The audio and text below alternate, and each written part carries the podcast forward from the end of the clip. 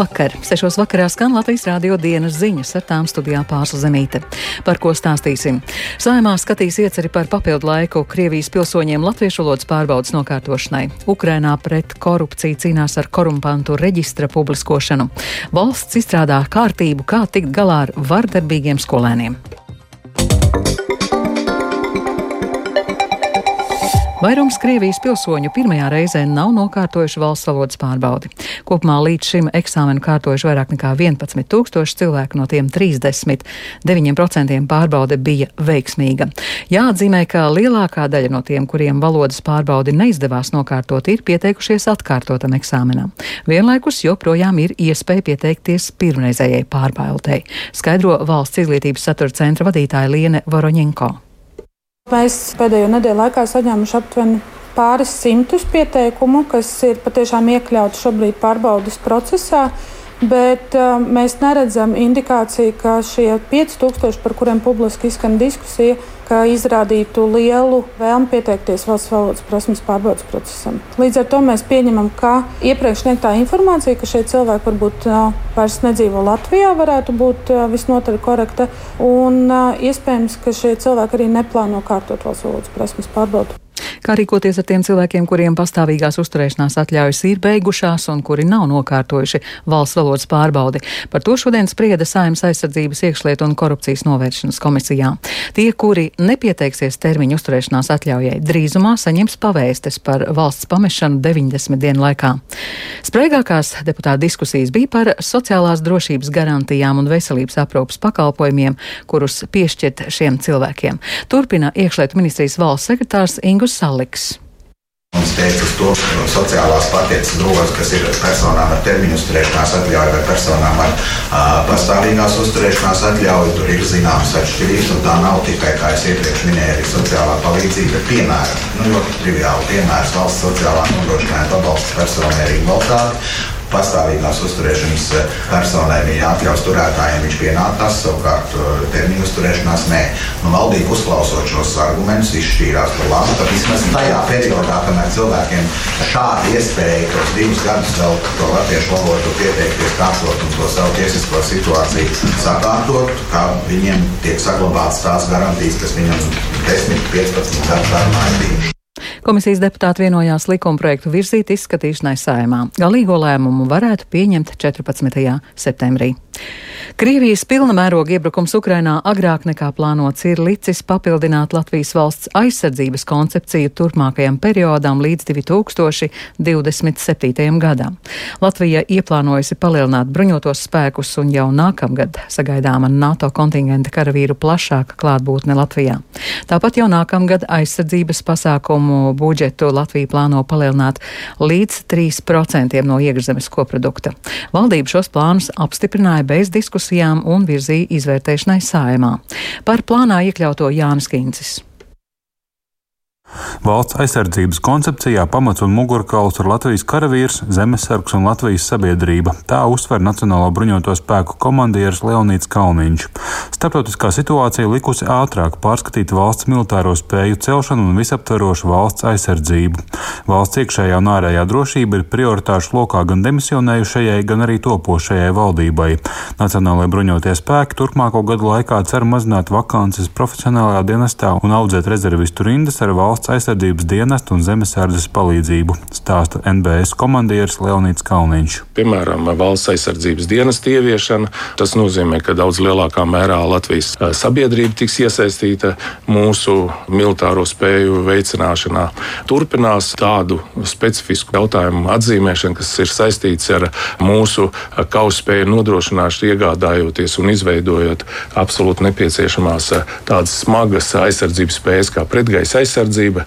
Mēs esam mācījušies arī gan no kara darbības Ukrajinā, gan arī no iepriekšējiem konfliktiem, kas ir saistīts ar um, augsto tehnoloģiju pielietošanu, kas īstenībā iespaido visas operācijas. Valsts aizsardzības dienestā nākamajā gadā divos iesaukumos plānots rekrutēt 850 jauniešu.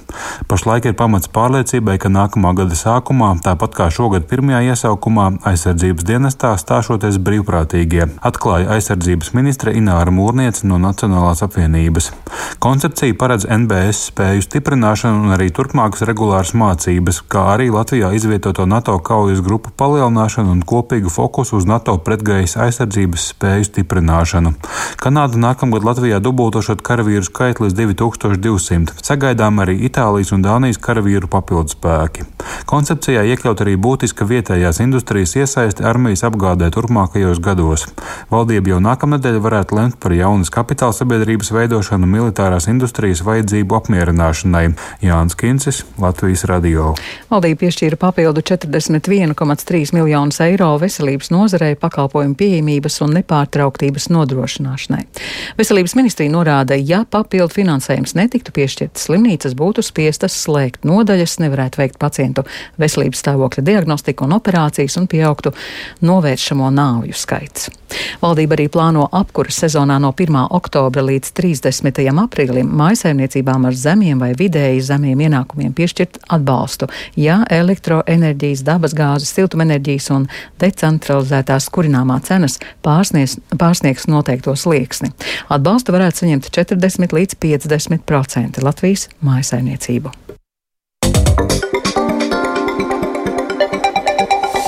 Krievijā šomēnes varētu ierasties Ziemeļkorejas diktators Kims Nuns, lai ar Kremļa saimnieku Vladimiru Putinu apspriestu iespējamo ieroču un munīcijas piegādi Krievijai. Tā vēst izdevums The New York Times, atsaucoties uz ASV valdības amatpersonām.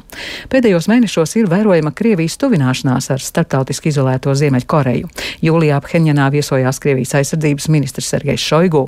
ASV administrācija paziņoja, ka Šoigu centās pārliecināt Ziemeļkorejas vadītājus pārdot Krievijai artilērijas artērijas lādiņus.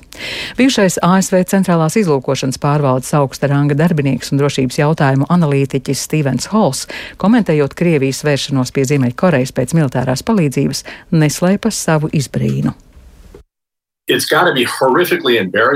Krievijas valdībai un Kremlim tas ir šausmīgi apkaunojoši. Viņi apzinās, cik pazemojoši tas ir. Krievijas iedzīvotājiem to centīsies parādīt pozitīvā gaismā, jo viņi saņem ziņas pārsvarā no valdības kontrolētiem mēdījiem.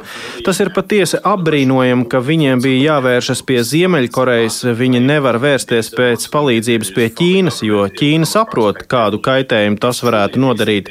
Tāpēc Krievija ir spiesta vērsties pie ziemeļkorejiešiem. Tas ir vienkārši apbrīnojami. Ukrainas Nacionālā korupcijas novēršanas jautājuma aģentūra ir atjaunojusi publisku pieju vienotajam valsts reģistram, kurā apkopota informācija par fiziskām un juridiskām personām, kas iesaistītas koruptīva rakstura noziegumos vai saistītas ar tiem. Tas ir vēl viens solis Ukrainas cīņā pret korupciju valsts iekšienē. Nepieciešamību atjaunot elektronisko deklarēšanos kā vienu no būtiskiem mājas darbiem ceļā uz Eiropas Savienību šajās dienās aktualizējis arī Ukrainas prezidents Volodimirs Zelenskis. Україна має сім Viznačenih rekomendāciju Eirokomisijai. Ukrainai ir septiņas Eiropas komisijas rekomendācijas. Daļu no tām jau esam izpildījuši, bet atlikušajām nepieciešams rezultatīvs augstākās radas darbs. Tas ir likumprojekts par elektroniskās deklarēšanas atjaunošanu, izmaiņas likumā par nacionālajām minoritātēm, un es šo īpaši uzsvēršu likums par politiski eksponētām personām. Katram no šiem likumprojektiem ir fundamentāla nozīme. Un, kā norādīja Zelenskis, balsojums Ukrainas parlamentā par šiem likuma projektiem parādīs, kas patiesībā ir kas. Ukraina šobrīd ļoti cenšas izpildīt visas rekomendācijas, lai jau pavisam drīz saņemtu uzaicinājumu sākt iestāšanās sarunas ar Eiropas Savienību. Korupcijas un citu noziegumu apkarošanas stiprināšana ir viens no mājas darbiem, kas Ukrainai ir jāpaveic. Eiropas parlamenta deputāti šodien iztaujāja Bulgārijas valdības izvirzīto kandidātu Eiropas Savienības izglītības, kultūras, pētniecības un inovāciju komisāru amatam Iljānu Ivanovu. Viņa nominēta, lai aizstātu Mariju Gabrielu, kas maijā atkāpās un kļuva par Bulgārijas ārlietu ministri un vicepremjeri. Spriežot pēc sākotnējām reakcijām, Ivanova saņēma pozitīvu vērtējumu un kļūs par komisāru jau nākamnedēļ. Stāstāt jums Konahaus. Bulgāru ekonomisti un politiķi Ilijana Ivanova ir spējusi atstāt pārliecinoši pozitīvu iespaidu uz vairumu deputātu, kas otrdien viņu iztaujāja Eiropas parlamentā. To apstiprina divu komiteju priekšsēdētāji, kuru locekļi piedalījās noklausīšanās sēdē. Līdz ar to ir paredzams, ka Bulgārijas valdības izvirzītā kandidāte jau nākamnedēļ Strasbūrā paredzētajā plenārsēdē varētu tikt iecelta par kultūras izglītības pētniecības un inovāciju komisāri. Šogad izgaismojušies vairāki ar pusauģu agresiju saistīti gadījumi skolās, tostarp arī savstarpējā skolēnu izrēķināšanās imantā, skolēns saduršana Rīgas mākslas un mediju tehnikumā un ilgstoša skolēna agresija Rīgas lietuviešu vidusskolā. Tieši par vardarbību skolās šodien sprieda Saimnes cilvēktiesību komisijā. Vēl vasaras sākumā komisija iestādēm lika līdz septembrim izstrādāt vienotu pieeju, kā rīkoties, ja skolā ir vardarbība. Īpašā darba grupā secināts, ka jāstiprina sadarbība starp institūcijām. Ko tas nozīmē komisijas sēdē līdz sekojas Inti Jambote. Ir izstrādāts uh, trīs līmeņu algoritms, ja tiek konstatētas šīs uzvedības problēmas, uh, pirmais riska līmenis, eh, kad gadījumi nav smagi un skola pati ar skolotājiem var risināt problēmu, piemēram, skolēns pārkāpjas iekšējās kārtības noteikumus, lieto rupjus vārdus un tam līdzīgi. Otrajā riska līmenī, ja novēro skolā apdraudējumu iespēju, bet nav tūlītē riska dzīvībai, kā tas ir Lietuviešu vidusskolas gadījumā bijis, ka skolēns mutiski draud ar vardarbību vai nu, vardarbīgu tādu izreikināšanos, tad ir jāiesaist arī ārējie resursi. Vispirms eh, skolotāji skolotājiem jāinformē skolas vadība, uh, un šo agresīvo skolēnu tajā dienā var lemt izglītot atsevišķā telpā un paralēli kopā ar psihologu veidot plānu bērnu uzvedības uzlabošanai, iesaistot, protams, arī vecākus. Jāziņo arī policijai, ja bez draudiem ir aizdoms, ka skolēns ir atnesis uz skolu bīstamu priekšmetu, kaut kādu nazi vai, vai citu um, ieroci, piemēram, ir šis trešais līmenis ar augstu drošības risku, tā ir seksuāla uzmākšanās, izvarošana, miesas bojājuma uzbrukumi un tam līdzīgi. Un šie gadījumi prasa nekavējošu rīcību. Skolai obligāti jāvēršas policijā un jāsauc mediķi ar vajadzību, un obligāti jāvēršas arī šajā starpinstitūciju sadarbības grupā, kurā ir arī pašvaldība izglītības pārvalde, sociālais dienests, policija un bāriņtiesa. Savukārt izglītības darbinieku arotbiedrības vadītāja Inga Vanaga deputātiem norādīja, ka skolas problēmu cenšas risināt jau četrus gadus, un šobrīd skola cīnās ar sekām. Tāpēc Lizdas ieskatā ir jāpieņem grozījumus, kas eh, gadījumos šajos Jā. ļautu bērnu uh, izolēt un uz laiku noteikt mācības ārpus iestādes. Dailas teātris ar 11 jaunām izrādēm sāk 104. sezonu. Teātris mākslinieckais direktors Viesturs Kairišs saka, ka Eiropā Dailas teātrim ir status un arvien vairāk cilvēku teātri pazīst. Viņš apgalvo, ka teātris turpinās aktierus, vadītājus un citus izaicināt. Tikai tādā veidā viņa prāt var virzīties uz priekšu. Pati Eiropa ir ļoti lielu krīžu priekšā, eh, joprojām nevar saprast, ko šobrīd darīt, kas ir labāks totalitārisms vai demokrātija, labējie vai kreisie. Un vienkārši, ka vairs šīs idejas, kas līdz šim veidoja mūsu to vidi, mēs redzam, ka tās nesniedz atbildes uz mūsu jautājumiem. Un līdz ar to mēs saprotam, ka mēs gribam būt Eiropas teātris, bet nevienu neatdarinot, bet mēs eh, gribam iet ar savu autentismu un ar savu piedāvājumu. Un e, var teikt, ka mums repertuārā ir lieli trīs Eiropas identitātes un ideju vēstures gabali. Un par sportu pasaules kausā basketbolā šodien ceturdaļa finālā Lietuva zaudēja ar 68 pret 87 Serbijai. Vēl šodien ceturdaļa fināla duelī ASV basketbolisti pārliecinoši uzvarēja Itāļus ar 100 pret 63.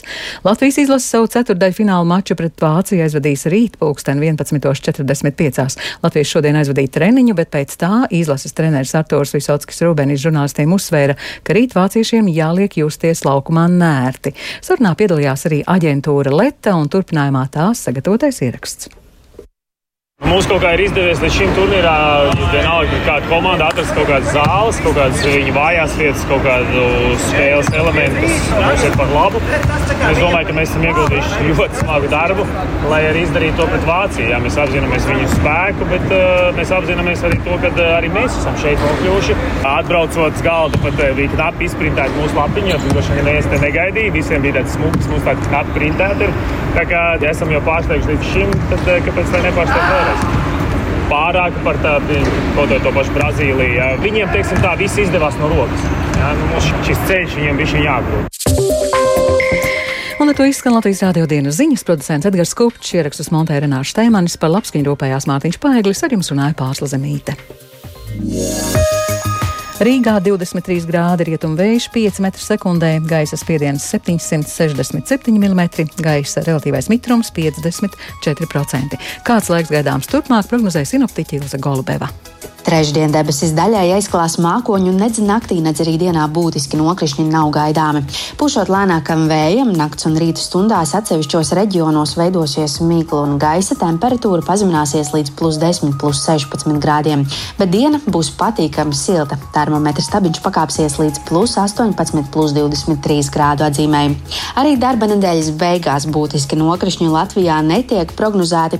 Naktis gan kļūs dzēstrāks, īpaši ceturtdien, kad lielā daļā valsts temperatūra vien plus 4, plus 9 grādi, bet dienlaikā termometra stabiņš nepārsniegs plus 19, plus 22 grādu atzīmi.